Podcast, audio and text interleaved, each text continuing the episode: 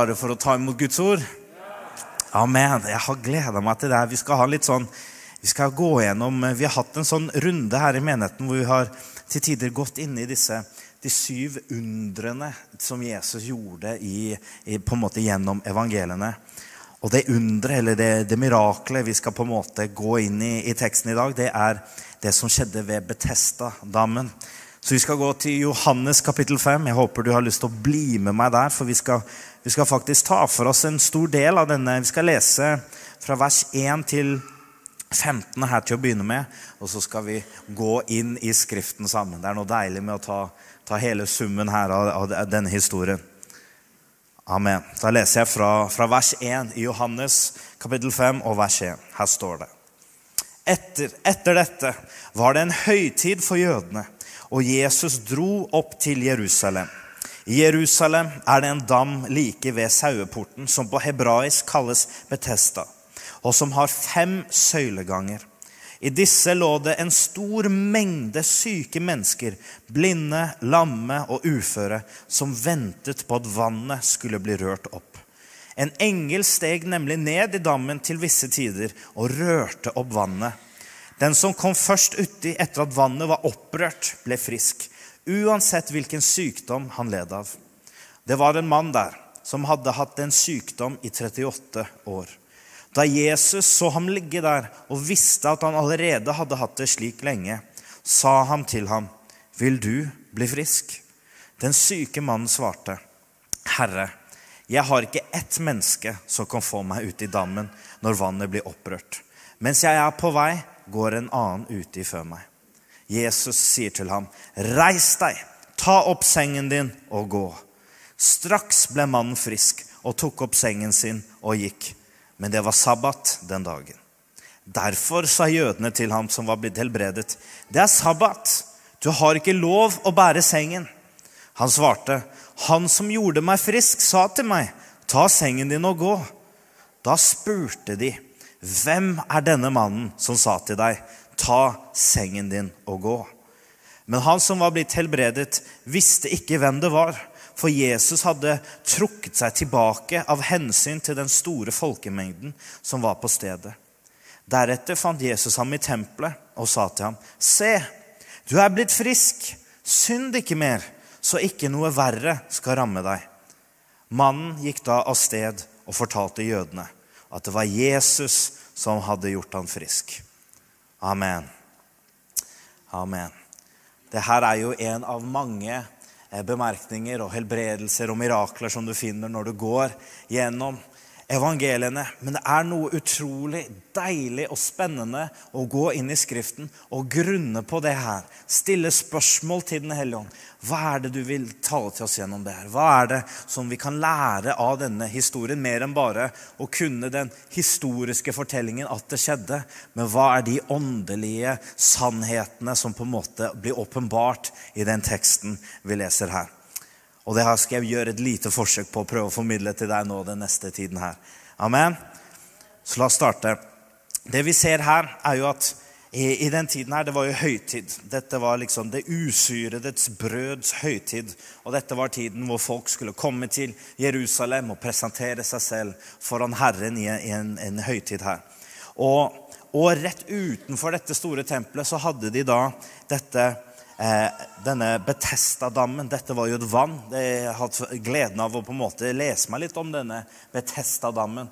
Og den var faktisk veldig dyp. Den var 13 meter dyp. skal du tenke deg Det Det var, var et dypt basseng. Og det var et svært område hvor det lå et Det står jo her at det var en stor mengde syke mennesker. På engelsk står det 'a multitude'. Det var liksom et, et stort hav av mennesker som lå der. Og det står jo nemlig at de ventet. Det var ikke bare at de lå der fordi de tenkte dette her var en god idé, men, men de ventet på at dette vannet skulle bli rørt opp, og at de kunne skynde seg oppi. Og så står det her det vi leser i verset, at det var den første som gikk oppi. Så når du har et, et folkehav av mennesker, men det er bare førstemann som får på en måte det de leter etter, så kan du tenke deg, selv om det var et mirakel og et under, av det en person til visse tider ble helbredet, så var det sikkert også veldig mye, ikke bare smerte fysisk i kroppen, men også i sitt indre. Når du prøver å komme ut i det vannet, og noen andre slår deg før det. Og du tenker åh, hvordan skal jeg kunne klare å komme meg ut i vannet? Jeg, jeg, det er ingen som vil hjelpe meg. Og det er den bemerkningen vi ser gjennom eh, eh denne mannen som hadde vært syk i 38 år. Og så bare får det meg til å tenke. Her har du et vann. Du har en dam. Og det blir rørt opp av en engel eh, til visse tider. Og det vannet hadde på en måte mulighet til å gjøre en frisk. Men så har du sønnen som vandrer der. Guds sønn, Jesus Kristus. Han vandrer der. Og vi vet at hva var det han skulle komme med? Alle som kommer til meg, så skal jeg gi dem strømmer av levende vann. Her har du et vann som blir rørt en gang iblant. Men her har du han som kommer og ikke bare rører på en måte, og det kommer en gang iblant, men du har kilden til strømmer av levende vann. Den livgivende kilde. Og der er de. Og det står at de venter. De venter sikkert liksom Nå skal jeg være klar. Med en gang jeg ser noe aktivitet i det vannet, så skal jeg skynde meg ut i vannet. Men så ser du Jesus. Han går der. Og Det er forunderlig å, å, å, tenke, og det er ikke alt vi forstår alltid. Men Jesus hadde et oppdrag. Han var ute etter denne mannen som hadde vært syk i 38 år. Og det vi kan se, da, er at mange kan etter hvert når du har båret sykdom eller smerte eller skade Man kan få en viss identifikasjon med sykdommen. Det kan nesten bli en, en del av deg, av, av, din identitet. Det, liksom, det kommer nesten som en sånn aksept at sånn er det bare. Sånn blir det bare. Og det ser du i svaret til denne mannen når Jesus eh, kommer eh, bort til ham så ser du Jesus spørre et spørsmål. Tenk deg, Det er jo et åpenbart spørsmål, spørsmål, tenker jeg. Jesus spør i vers 6. Da Jesus så ham ligge der og visste Tenk, Jesus visste at han hadde vært syk i 38 år og hadde hatt det slik lenge, står det. Så spør han, 'Vil du bli frisk?' Hvorfor spør Jesus det spørsmålet? Er det ikke åpenbart? Han ligger jo der. Han vil jo komme opp i vannet fordi han vil bli frisk. Men Jesus spør fortsatt spørsmålet, 'Vil du bli frisk?' Og så er det flere ting vi kan plukke ut av det svaret til denne mannen, som jeg tror kan også referere til oss i dag. For han svarte her. Herre, jeg har ikke ett menneske som kan få meg ut i dammen når vannet blir opprørt. Med andre ord, Det vi leser litt her, er at han hadde ingen som brydde seg nok til å hjelpe ham. Han hadde vært syk så lenge at han kjente sikkert mer enn bare en fysisk sykdom, men han bærte på en ensomhet òg. Hvem vil hjelpe meg? Jeg er en av mange, og jeg sliter jo like mye som den andre personen her. Men hvem vil hjelpe meg? Jeg er ikke rask nok selv. Jeg har ikke evnen til å skynde meg raskt nok til vannet før noen andre slår meg til det. Med andre ord, svaret hans var jo 'Jeg vil, men jeg klarer ikke. Jeg rekker ikke. Det strekker ikke til.' Ingen ser meg. Du ser på en måte, Selv om ikke det står det, så kjenner du igjen disse tingene i svaret hans. Det er ingen. Det er ikke ett menneske. Det er ikke én. Men så ser vi hvem er det ene mennesket. Det er jo Jesus. Han er det ene mennesket som var villig. Han visste at denne mannen hadde ligget der lenge og ønsket lenge om å bli frisk. Så man kan tenke seg at Jesus han hadde et større oppdrag enn bare å se det ytre og det fysiske, selv om det var det som trengte legedom. Men det var noe i denne mannens sjel som også trengte et møte med Gud. Amen. Og Ofte så kan man tenke sånn om seg selv. Ingen ser meg. Det er nok bare sånn livet mitt blir. Man kommer til enden av seg sjøl, og man kommer til sånn Det er nok bare sånn det er. Men det er det som er herlig. Med Jesus så er ingenting umulig. Disse enkle sannhetene som vi vet ut ifra Skriften. Ingenting er umulig for Gud. Så når mannen hadde på en måte blitt helt tom for alt håp, nesten Det er ingen som vil hjelpe meg, det er ingen som ser meg, det er ingen som kan bære meg ut i vannet. Så kommer Jesus. Amen. Og Jesus spurte han ikke hvor mye tro har du Hvor mye tro har du? Han bare spør rett ut. Vil du bli frisk? Amen. Oi, oi, oi. Bak alt dette, denne responsen til denne mannen, så er det et ønske om å bli frisk. Og én setning fra Jesus er nok. Det står jo det i, i, i, Guds ord at han sendte sitt ord og helbredet dem. Og ordet som han sender der og, og taler med autoritet i vers 8, er jo det her. Reis deg, ta opp sengen din og gå. Er så deilig med Bibelen. Så står det straks ble mannen frisk. Tok opp sengen sin og gikk. Men Det er alltid noen menn av og til. Men det var sabbat. Og du har en annen gjeng i denne historien. Annen enn denne mannen, som også trengte litt forandring. Men kanskje litt annerledes enn den mannen trengte. Det står Derfor sa jødene til han som var blitt helbredet, det er sabbat! Det er ikke lov å bære sengen. Og her får du litt sånn, Det er et uttrykk vi bruker av og til i disse for å beskrive det her. Du har en, sånn, en religiøs ånd. De ser liksom ikke til hjertet til mennesket. Hva er det, det beste? De, de ser heller ja, men det er ikke lov å bære sengen. Du bærer sengen. Hvem sa at du kan gjøre det? Det var litt sånn Fy av meg. Nå må du skamme deg. Oppførsel her. Og så sier jo denne mannen eh, eh, Skal vi se her Han svarte, 'Han som gjorde meg frisk, sa til meg, ta sengen din og gå.' Og da tenker jeg, burde du ikke spurt egentlig da Oi, hvem var det som helbredet deg? Wow, det er fantastisk. Her har du vært i så mange år og, vært, eh, og lengtet etter å bli frisk. Og her står du i det beste helse noen gang. Og så er spørsmålet hvem sa, kunne, eh, hvem sa, at du kunne gå og bære sengen din? Det var ikke hvem som helbredet deg. Å, gratulerer. Fantastisk. Amen. Gud er god. Tenk det. Der ser du en mann. Det er et stort mirakel at han står og går der. Det står jo at han ikke klarte å komme ut i vannet, så man kan jo tenke seg at han sleit med å bevege seg osv. Og, så og så er responsen Hvem sa, sa det her? Oi, oi, oi. Det var sabbat. Du kan ikke. Hvem helbredet deg? Og Det jeg tenker her og ser her, også, som vi går videre her i teksten, så ser vi at Jesus trekker seg unna. Det var stort eh, folkemengde.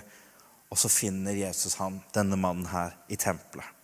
Så er det noen ting her som jeg opplevde at kan være til skikkelig stor oppmuntring her. I vers 14, bare repeterer det her, så står det Deretter fant Jesus ham i tempelet. Han sa til ham, Se, du er blitt frisk. Synd ikke mer, så ikke noe verre skal ramme deg. Mannen gikk da av sted og fortalte jødene at det var Jesus som hadde gjort han frisk. Mannen adresserer se. Kroppen din, helsen din, den er bra. Men så han til, tar han det neste steget. For det er fantastisk. Vi tror på guddommelig legedom og helbredelse gjennom forbønn, gjennom Guds ord, gjennom åndens gaver. Vi er for det, vi tror på det, og vi, vi, står i det og ønsker å se en større forløsning av det i vår tid. Men så ser du Jesus ser enda lenger enn som så. Av og til, så hvis jeg eh, eh skal på en måte betjene mennesker, av og til, så kan jeg av og til bli nesten sånn blindet av det jeg ser i det naturlige. At oi, her, her, er de med krykker. Det er åpenbart. De trenger det her. Det er det skal jeg be for. Men ble, det var som Den hellige ånd når jeg forberedte meg, ble minnet på noe som skjedde med meg på et sommerteam når jeg var i Napoli i 2015. Så var vi ute på gatene der, og vi forkynte evangeliet. Og vi ba for mange mennesker, og mange ble helbredet. Og jeg veldig, var veldig ny med det her, og med helbredelse og forbønn for syke. hadde blitt nettopp opplært av det på dette sommertimet. Men jeg trodde på det av hele mitt hjerte, og, og Gud virket. Og så møter vi en, en, dame. Hun sitter i rullestol, og hjertet mitt begynner å dunke. Og jeg tenker oi, henne trenger et mirakel. Henne trenger jo å kunne gå. Åh, jeg vil be for hun her. Så jeg går bort til hun og, og snakker med hun og deler evangeliet. Og, og, og, hun hadde en, en, viss tro. Hun hadde jo Ja, jeg tror på Gud, og sånt, men det, det var mye hun ikke skjønte heller, da, for det var mye tøft. Og så spør jeg kan jeg be for deg. Hun sitter jo der i rullestol. Går det fint? Og, og hun har, forteller ja, men jeg, jeg har jo eh, to proteser. da. Hun hadde på en måte måttet amputert begge beina. Og da ble jeg litt sånn Oi, kjære Jesus. Det her var voldsomt. Men jeg tenkte jeg må jo be likevel. Nå har jeg jo spurt om jeg skal be, så jeg må jo be. Men mens jeg ber Hva forunderlig, altså. Så er det som om Den hellige ånd hvisker til meg. Sebastian, hun trenger legedom i hjertet. Og jeg var sånn Hæ? Og så hører jeg Den hellige ånd si hun har ikke snakket med sin sønn på over ti år. Og jeg bare What? Så der var jeg så opptatt med det at dama satt i rullestol. Hun trengte legedom i kroppen, og det var det eneste jeg kunne se. Men Gud kunne se enda lenger enn det. Så jeg spør, Dette ble jo et kunnskapsord. Jeg spør henne, du, jeg, jeg opplever at det, eh, Den hellige ånd delte med, eh, med meg. Kan jeg dele med deg? Ja, det kan du. Stemmer det at du ikke har pratet med sønnen din på over ti år? Og bare med en gang tårene begynner å strømme ned ansiktet hennes. Og henne begynner å åpne opp og si at det skjedde en klinsj med henne og sønnen for over ti år siden. Og det ble veldig vondt. Masse stygge ord som ble sagt. At hun på en måte sa 'aldri kom inn igjen'. 'Jeg vil aldri se deg igjen'. Og det var en sånn skikkelig hard avslutning på, på relasjonen og dialogen mellom henne og, og sønnen sin. Og hun har båret så mye tyngde og smerte i hjertet i over ti år. Og det står jo i Bibelen ikke sant, at, at, bitterheten er jo noe som vokser. Det er en rot som vokser. Og den hadde blitt så stor og så vond og så fæl.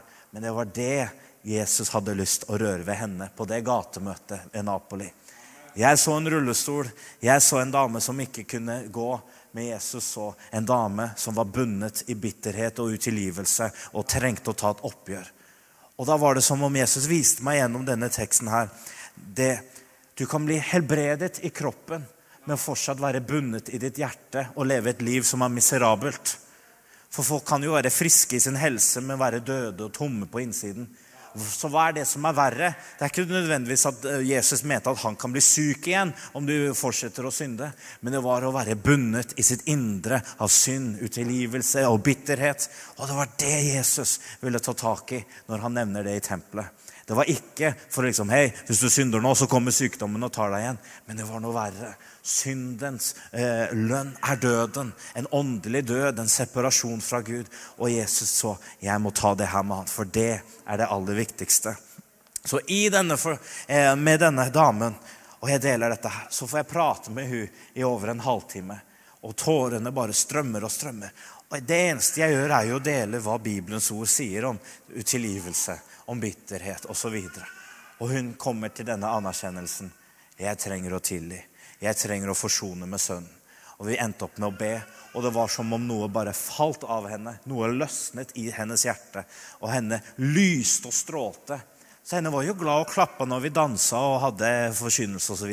Men det var som et lys begynte å skinne i henne. Fordi dette, eh, dette som hvilte over hjertet hennes, løsnet. Amen.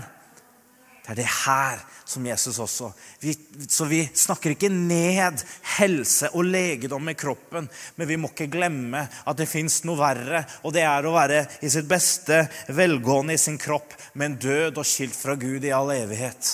Det er det verste som kan skje et menneske. Så helbredelse er jo døren til å dele frelsen og evangelien og alt det som vi, vi, vi har. Og det er så utrolig viktig at vi gir folk full pakke. Helbredelse er jo bare en demonstrasjon av evangeliet. Men helbredelsen er ikke endemålet. Målet vårt som kristne er jo ikke bare at folk skal bli friske i sin kropp, selv om vi tror på det, vi ber for det, vi står sammen med folk for gjennombrudd i helse. Men målet må jo være at de er helt overgitt i sine hjerter med Jesus. At det ikke er lov at noe bitterhet eller utilgivelse noe får lov til å ta feste og, få lov til å vokse der i flere tiår. Jeg vet ikke hva som skjedde i hjertet til denne mannen i disse 38 årene. Men jeg kan tenke meg at 38 år med å forsøke å komme i det vannet og ikke klare det, at det kanskje kom litt bitterhet med de andre rundt der. Det er ingen som vil hjelpe meg. Det er ingen som ser meg. Selv om han ville jo bli frisk, men Jesus skjønte jo at det var jo noe mer enn bare kroppen han trengte legedom i. Men det var i hjertet. Amen. Og det gode er at Jesus han er mester på begge deler. Han er jo Herren vår lege både for ånd, sjel og kropp. Amen. Amen. Synd ikke mer, sa han. Og når Jesus taler, så taler han med ånd og med liv.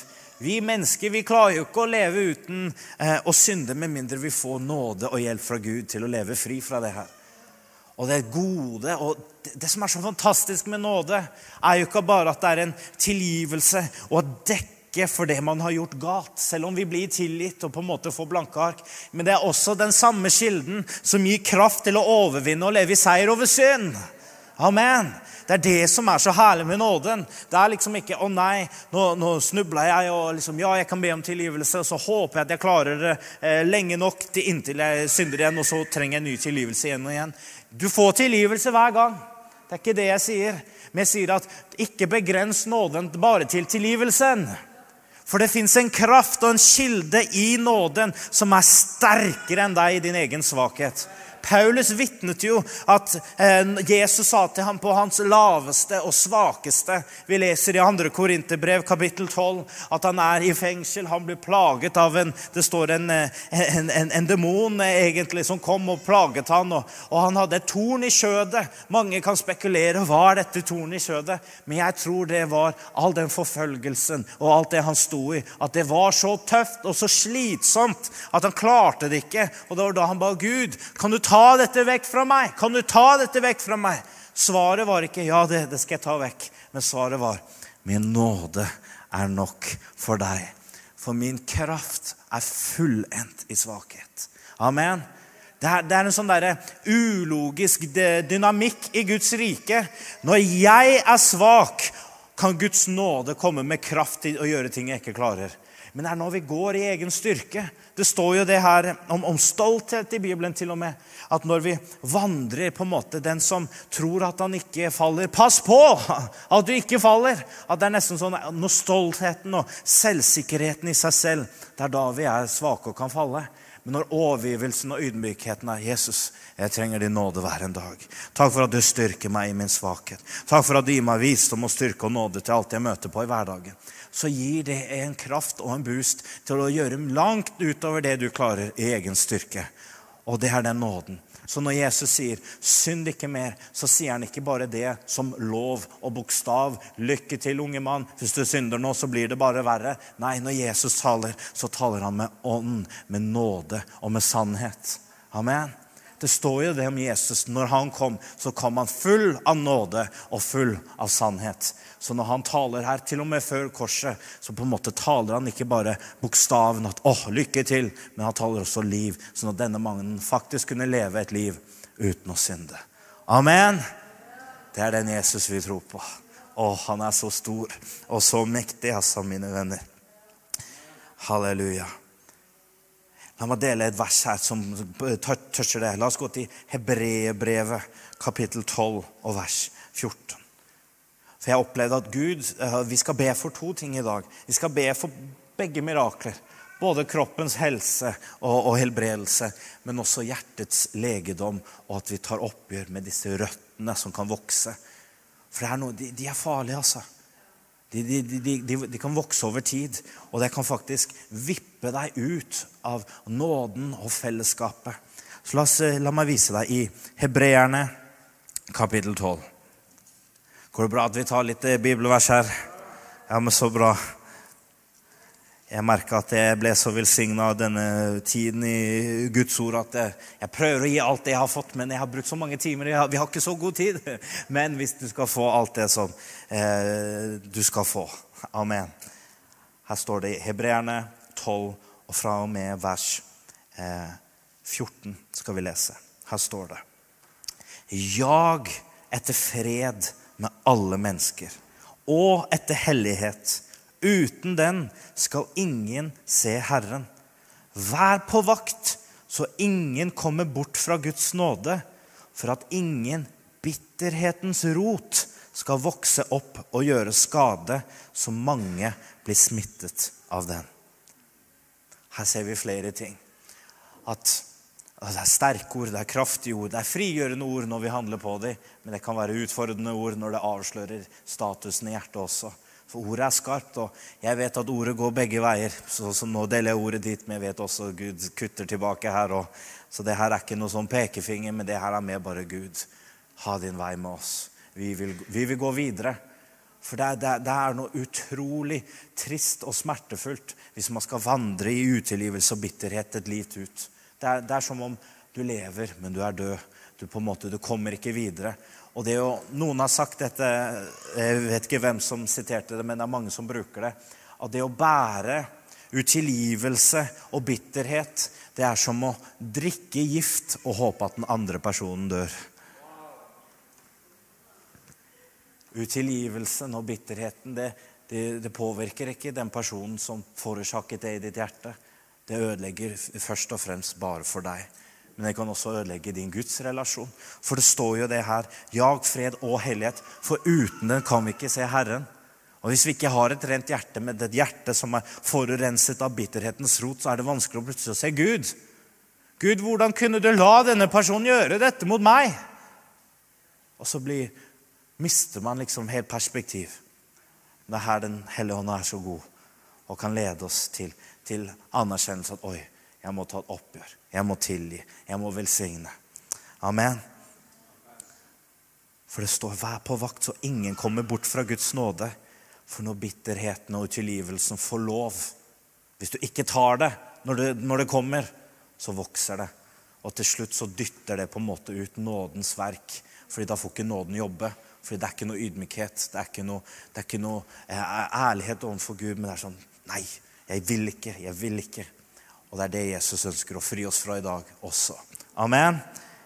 Det står i ordspråkene 423, vi skal ikke gå der, men det står Bevar hjertet ditt framfor alt du bevarer, for livet går ut ifra det. Livet har jo alt det som har med ånd, sjel og kropp å gjøre. Og det er så viktig å ta vare på hjertet og ha et sunt og friskt hjerte. Matteus 5,8 sier at de rene av hjerte skal se Herren. Jeg har lyst til å se Gud. Men jeg har vet, og jeg har opplevd sjøl eh, i tider at hvis jeg tillater denne utilgivelsen av og til det er, det er så latterlig hvordan vi, skjødet kan funke. altså. Det er at Man kan høre ett ord, én setning, som er egentlig en stor misforståelse. Og det kan skape noe så vondt og fælt i en sjøl. Og hvis man ikke konfronterer det eller tar et oppgjør eller spør spørsmål hva mente du egentlig når du sa det der, så kan noe vokse opp, og du kan plutselig bære noe du egentlig ikke skal bære, men som forårsaker smerte og en byrde over tid. Men det trenger vi ikke å gjøre hvis vi kommer bare Herre, og dette er en farlig bønn som jeg vil gi deg. Herre, er det noe i mitt hjerte som hindrer meg i å se deg? Er det noen jeg ikke har tillit? For det handler ikke bare om å si 'jeg tilhører dem', amen. Av og til, for å virkelig bli liksom fri fra det greiene her, så må man faktisk be og velsigne de som man har virkelig blitt såret av. Og de fortjener ikke det, men det er Guds vei. For det helbreder deg. Når du har opplevd ord, og kanskje til og med det man kan kalle liksom, noen talt vonde ord som har på en måte nesten blitt til forbannelser og skapt noe i deg, så kan du gjøre det motsatte. Jeg velsigner dem, Herre. Jeg ber din vilje. Jeg ber om at du åpenbarer deg for dem. Jeg ber at du velsigner dem. Jeg ber om at de skal få oppleve deg og kjenne deg. Dynk dem med din kjærlighet, Gud, og åpenbar deg. Amen. Når du ber sånn hver eneste dag for mennesker som har forårsaket deg kanskje noe vondt, så blir du fri fra denne bitterheten. Amen. Og så kan det til og med hende at Gud ber deg å møte den personen, eller ringe denne personen. Og ikke for dems del, altså, men for din del. For vår del. Amen. Og det har jeg måttet gjøre en gang, og jeg har lyst til å dele det.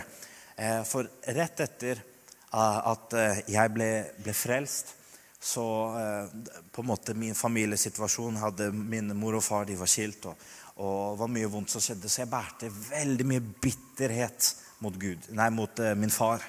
Og, og, jeg sleit veldig med det. Og selv om jeg kunne være i Jesus Revolution første året mitt, og det var fantastisk og, Så Gud han var tålmodig, for han tok liksom én ting om gangen. Men så kom det til det punktet. Andre året mitt i Jesus Revolution så ber man disse farlige bønnene. Gud, om det er noe i hjertet mitt som hindrer meg å kjenne deg mer, vis meg det. Og så gjør han det. vet du. Og det kom bare så sterkt. Du må forsone med din far. Og så kjente du disse følelsene som var koblet fra mange år med sinne og bitterhet, kom fram igjen. Ja, men Gud, det var ikke det jeg ba om. Jeg ville kjenne deg mer, ikke han. Jeg ville kjenne deg. Men så skjønte jeg at oi, hvis det her får lov til å vokse mer, så kommer det heller til å, å ta meg på en vei som jeg ikke klarer å komme meg ut av sjøl. Så jeg begynte å be jeg begynte å velsigne faren min, og jeg syntes det var tungt. jeg syntes det var tøft. Og så opplevde jeg at Gud sa nå skal du ringe han, og du skal møte han, og dere skal prate. Og du skal faktisk be om tilgivelse. Hæ? Hva mener du? Du har ikke æret han som din far. Snakker ikke om det han har gjort på deg, men du har ikke æret han som din far. Be om tilgivelse for at du ikke har gjort det. Det er tøft, altså. Det er litt tungt. Men det er frigjørende når du gjør det. Så jeg møtte faren min eh, på en kafé her i området, og i tre timer. Og det som er så fantastisk, når én person begynner i ydmykhet og ærlighet, så er det som en dominoeffekt. Og det bare fortsetter og fortsetter og fortsetter. Og begge kunne starta en forsvarsmodus. Og på en måte Ja, men du gjorde det, jeg gjorde det. ikke sant? Og så står man der og kommer ingen vei. Men jeg bare starta. Pappa, jeg vet at vi har hatt en tøff oppvekst og mye som vi begge skulle ønske vi gjorde annerledes. Men jeg vil egentlig bare be om tilgivelse for at jeg har vært så kald og så tatt så stor avstand fra deg og på en måte kjøtte deg ut av mitt liv og ikke anerkjent deg som min far i mitt liv. Kan du tilgi meg? Og da bare strømmer tårene. Så mine tårer strømmer. Og han bare bryter sammen og åpner opp og ber om tilgivelse om ting som jeg aldri trodde det skulle høre ut av hans munn. Men det var en ekte anerkjennelse. Og fra den dagen så var det ikke bare at jeg hadde tilgitt pappa i bønn alene på rommet, men hadde, det hadde blitt en forsoning.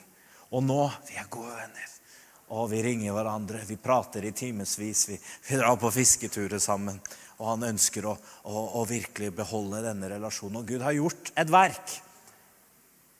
Men jeg innså at oi, jeg måtte virkelig ta tak i det her. Ellers så kunne denne bitterheten vokse. Jeg kunne vært i tjeneste. Jeg kunne snakke om alt det herlige vi gjorde, og ungdommer som ble, ungdommer som ble frelst, og alt det herlige. Men jeg visste at oi, dette her er noe Den hellige ånd påpirker. Det her må jeg gjøre nå. Ikke utsette. Hvis du midt i min tale nå har hatt en parallell preken med Den hellige ånd, og han har på en måte åpenbart eh, kanskje et par personer Den her og den her. Nå må du ta et oppgjør. Nå må du prate. Gjør det, min venn. Det er så verdt det. Og det er så frigjørende og så deilig. Og du skal oppleve at det kommer til å gjøre hverdagen så annerledes. Virkelig. For da bærer du ikke den byrden. For det er nesten sånn hver gang jeg skulle be, etter at jeg hadde opplevd at Gud sa det, så ble jeg minnet på det. Jeg klarte ikke å nyte bønn lenger. For jeg visste jeg måtte ta tak i det her. Så jeg kunne liksom ikke OK, Gud, ja, jeg skal gjøre det, men kan ikke jeg bare få lov å Det, det, det bare kom igjen og igjen og igjen. og det er litt sånn, Den hellige ånd han er god på å overbevise. altså Mye flinkere enn det jeg er.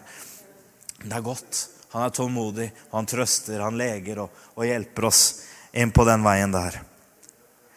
Så vi må bevare hjertet òg. For vi, det går faktisk an å være så ødelagt i ditt indre emosjonelt begrunna ting som har skjedd, at det også kan føre til fysiske sykdommer. Livet går ut ifra hvor sunt du har det her, kan også påvirke din egen helse. Så det er viktig å ta vare på hjertet ditt. Hold det rent. La ordet få lov til å rense det, beskjære det og avsløre det og lede deg inn i hans veier. Og hvis du er, er åpen for det, vet du, så gir Gud mer enn nok nåde til å holde deg og ta deg gjennom det her. Amen. La oss fortsette litt videre i teksten, og så skal vi eh, eh, gå inn i nattverden sammen. Men får du noe ut av det her? Ja, men Så bra. Det her er viktig. Det er litt sånn åh, Gud, hjelp oss, altså. Fantastisk. Det her, her, trenger jeg, og det trenger vi. Men jeg vil bare ta noen vers videre her nå. Fra vers 16, og så skal vi lese eh, til vers 18 her. Så står det På grunn av dette forfulgte jødene Jesus, og de prøvde å få han drept, fordi han hadde gjort alt dette på sabbaten. Wow. Det, jeg, jeg klarer ikke å forstå det her. Fordi du helbreder på sabbaten, Jesus, så vil vi drepe deg. Wow. Der ble det avslørt. Det ble ikke noe bedre når Jesus uh, går på. vet du. Her står det jo. Men Jesus svarte dem. Min far arbeider fortsatt. Også jeg arbeider. Derfor forsøkte jødene enda mer å få han drept. For, han, for ikke bare brøt han sabbaten, men han sa også at Gud var hans far, og gjorde seg, seg selv lik Gud. Bare tenk litt på det. Det var ikke noe spørsmål for disse religiøse lederne om hvem Jesus hevdet at han var. Det var ikke bare at ja, han var profeten og han gjorde ting og var en flott lærer. Det var åpenbart for disse religiøse lederne at han hevdet jeg er mer enn bare en profet. Jeg er Guds sønn. Jeg er Gud lik. Amen. Og det er jo det som provoserer de til de grader. Fordi Hvordan kan han komme og si det her? Og det som var herlig her, at Jesus sa sabbaten Mennesket var ikke skapt for sabbaten, men sabbaten var skapt for mennesket. Denne hvilen er en gave, ikke en regel. Og hvis du holder den, ikke holder den, så skal du straffes for det. Det er en gave til å gå inn i Guds hvile. Amen. Jeg skal gå inn for en avslutning her, men la oss fortsette videre i, fra vers 19 til 23 her. Og da svarte Jesus til dem og sa, Sannelig, sannelig, sier jeg dere, sønnen kan ikke gjøre noe av seg selv, men bare det han ser far gjøre. For det han gjør, gjør sønnen likedan. Far elsker sønnen og viser ham alt det han gjør. Han skal vise ham større gjerninger enn disse, for at dere skal undre dere. Men far vekker opp de døde og gjør dem levende. Slik gjør også sønnen levende dem han vil. Far dømmer ingen, men han har overgitt hele dommen til sønnen. For at alle skal ære sønnen slik de ærer far. Den som ikke ærer sønnen, ærer heller ikke far som sendte ham. Den relasjonen som du ser Jesus har med Faderen, det er noe som inspirerer meg og driver meg til eh, eh spørsmål og bønner som bare Når du ser at Jesus sier 'Jeg kan ikke gjøre noe med mindre Faderen viser meg det'. Hva betyr det? Litt sånn grunn litt på det. Vil det si at Den hellige ånd viser han i sånn, et syn hva Faderen gjør, og så ser han det Faderen gjør, og så kopierer han det? Han vandrer jo i en åpen dialog med, med sin far hele tiden. Det er, en, det er en kobling i Gud. Og vi vet jo at Jesus var jo Guds sønn, men han var også ikledd og døpt i Den hellige ånd. Og ved Den hellige ånd så hadde de også fellesskap med Faderen, og det var denne herlige treenigheten som var i aksjon. Men vi ser at han, han så det Faderen gjorde. Han var ledet av det og gjorde det. Så det var aldri tilfeldig, det Jesus gjorde, men det var i en ren lydighet og etterfølgelse av det Faderen viste, viste ham. Amen. Så vil jeg avslutte med det her og på en måte la oss ære og anerkjenne Jesus for det han er. Amen. Han er Vi tror på Jesus. Jeg, jeg har vært frelst nå i syv år, og jeg, jeg, jeg blir like sånn Ord strekker ikke til når jeg tenker virkelig hva du har gjort. Og det er bare for meg. ikke sant? Jeg kan, jeg kan bli så Wow! Du er virkelig Gud. Jeg står jo ikke her fordi jeg har gått på bibelskole i tre år og tenkte at det her var en god karrierevalg. Jeg står jo her fordi jeg møtte Jesus. Han er ekte. Han lever, han er virkelig. Han frelser, han helbreder. Han går i dypet på hjertet. Han tar liksom ikke bare ABC når du er ferdig, men han, liksom, han vil at hele vårt indre, vårt ytre, skal reflektere hvem han er. Amen. Og han jobber med oss, og det er jo det vi er inne i alle sammen, i denne prosessen av å bli mer lik Jesus. Amen. Kan vi ikke reise oss opp sammen her nå? Jeg vil også invitere lovsangerne hvis dere kan bli med meg her, så skal vi snart gå inn i nattverd og, og forbønn osv.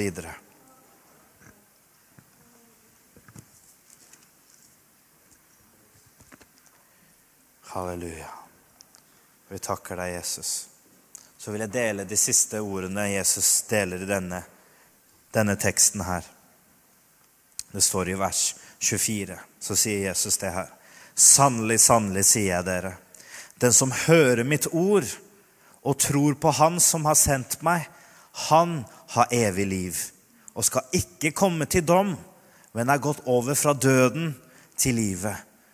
Det er det som skjer, mine venner, når vi tror og handler på Jesu ord. Vi vender om fra vår synd og det vi bærer på. Vi gir det over til ham. Og vi får ikke lenger en dom som vi fortjener ut av ifra våre gjerninger og handlinger i livet. Men vi får en dom rettferdig, tilgitt, ren, elsket, himmelen verdig. Fordi vi er vasket og renset i Jesu blod ved at vi har respondert på det han har gjort, og på det han har sagt. Og det har med frelsen å gjøre. Og Vi har berørt egentlig tre ting som er inkludert i frelsen. Det er jo kroppens helse og helbredelse. Det er hjertets forvandling eh, og, og, helse derom, men også bevare hjertet. Ikke bare eh, gjør det én gang, men kommer det noe opp, ta tak i det. Ikke la det få lov til å vokse og bli noe rot der. Og så vil jeg også ta noen, et, par, et par eh, setninger her nå til deg som ikke kjenner Jesus.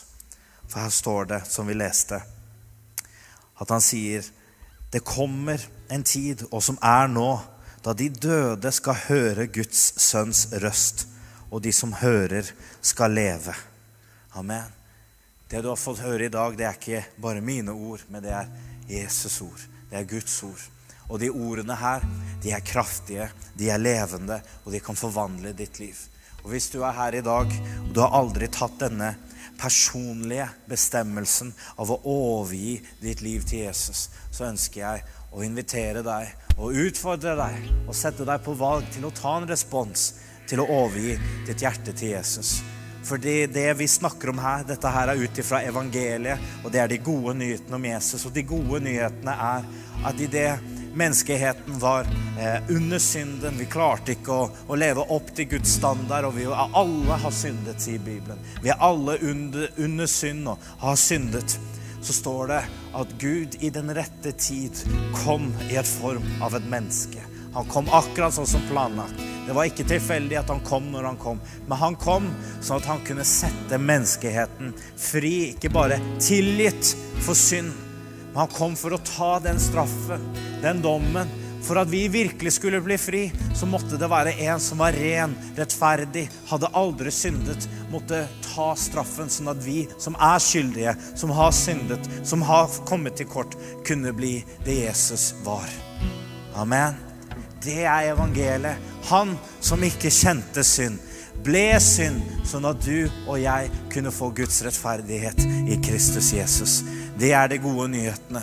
Det er ikke en religiøs stige du klatrer opp for å behage Gud, men det er en overgivelse og en anerkjennelse at Gud, jeg klarer ikke det sjøl. Tilgi meg. Jeg trenger deg. Frels meg. Og i den bekjennelsen, overgivelsen, hvor du vender deg vekk fra det som holder deg bundet, og du vender deg til Guds sønn, så sier Bibelen da skal du bli frelst. I det du kaller på hans navn i en erkjennelse. Jesus, jeg trenger deg. Bare at du roper på navnet Jesus fra et hjerte hvor du kaller på han, så sier Bibelen, da skal du bli frelst. For han ser til hjertet. Amen. Det her er det vi tror på. Det er derfor vi er her denne søndagen. Vi feirer Sønnens dag. Vi feirer Jesus. At han har stått opp igjen også, skjønner du. Det var ikke bare at han døde, tok din synd, og så wow, takk for ditt offer. Men han sto opp igjen banet en vei til Gud, sånn at vi kunne ha en relasjon. Og derfra sitter han på tronen. Amen. Vi tror på en Gud som lever. Det er en Jesus som lever. Det er han som frelser. Det er han som helbreder. Det er han som forvandler hjerter. Og han er her i dag og vil gjøre det samme. Amen. Så mens vi er i bønn innenfor Gud her nå, i dette øyeblikket, så vil jeg spørre deg og adressere deg. Du som aldri har tatt en bestemmelse om å overgi ditt hjerte til Jesus, så vil jeg spørre deg nå Hvis du er her, og du vet Hvis du hadde gått bort i dag eller i kveld, hvis du hadde dødd, hvor ville du havnet? Har du din sak i orden? At du vet at du har fred med Gud, hvor du har blitt født på ny og fått opplevd det evige liv. Hvis du ikke har gjort det, og du vil overgi ditt liv og din synd til Jesus, og du vil ta en bestemmelse i dag at Jesus, jeg gir deg mitt liv. Mens vi bøyer våre hoder og er inne i bønn for Gud, så vil jeg be deg i løpet av tre sekunder nå så vil jeg oppmuntre deg til å respondere. Jeg kommer til å spørre deg om å rekke opp din hånd om noen øyeblikk som et tegn på at du gir ditt liv til Jesus. At Jesus, her er jeg. Så jeg skal telle til tre, og når jeg teller til tre, så vil jeg at du som tar den bestemmelsen, skal rekke opp din hånd. En, Jesus elsker deg, han ser deg, han har et plan for ditt liv, og du er med i hans plan og hensikt her i denne verden. To, det er ingenting som kan separere deg fra Guds kjærlighet utenom din egen frie vilje. Bare du kan bestemme om å bli frelst. Jeg kan ikke gjøre det. Pastorer kan ikke gjøre det. Familien din kan ikke gjøre det. Det er et valg du må ta. Og tre, rekk opp din hånd hvis du vil gi ditt liv til Jesus akkurat nå. Amen. Er det noen flere som ønsker å overgi sitt liv? Rekk opp din hånd som et tegn på. Be for meg. Jeg ønsker å gi mitt liv til Jesus. Amen. Amen. Jeg ser deg. Amen. Takk, Jesus. Takk, Jesus. Halleluja. Det er ikke noe magisk som skjer når man rekker opp hånden, men da tar, fører man kroppen inn i en fysisk handling på det som allerede skjer inni hjertet. Så hvis du ønsker å gi ditt liv til Jesus, og du er klar til å gjøre det, så rekk opp hånden din akkurat nå. Takk, Jesus. Halleluja. Det vi skal gjøre nå sammen, er at vi skal påkalle Jesus. Vi skal be en, en bønn av bekjennelse på hvem han er, på det han har gjort, og på det han får lov til å bli i våre liv. Så jeg ønsker at alle sammen i dette rommet her, som tror på Jesus, og som vil gi sin liv til Jesus, ber etter den bønnen her sammen med meg nå. Jeg vil at du ber tydelig og ber høyt som en bekjennelse til Gud. Så gjenta etter meg. Jesus, her er jeg. Jeg påkaller ditt navn. Jeg ber om at du tilgir meg for alt jeg har gjort galt i livet. Jeg trenger deg, Jesus. Og fra og med i dag så gir jeg deg mitt liv. Jeg gjør deg til min Herre og Frelser. Fra og med i dag tilhører jeg deg, og du tilhører meg. Takk for at du døde og sto opp igjen for å forsone meg med deg. Jeg elsker deg, Gud. I Jesu navn. Amen.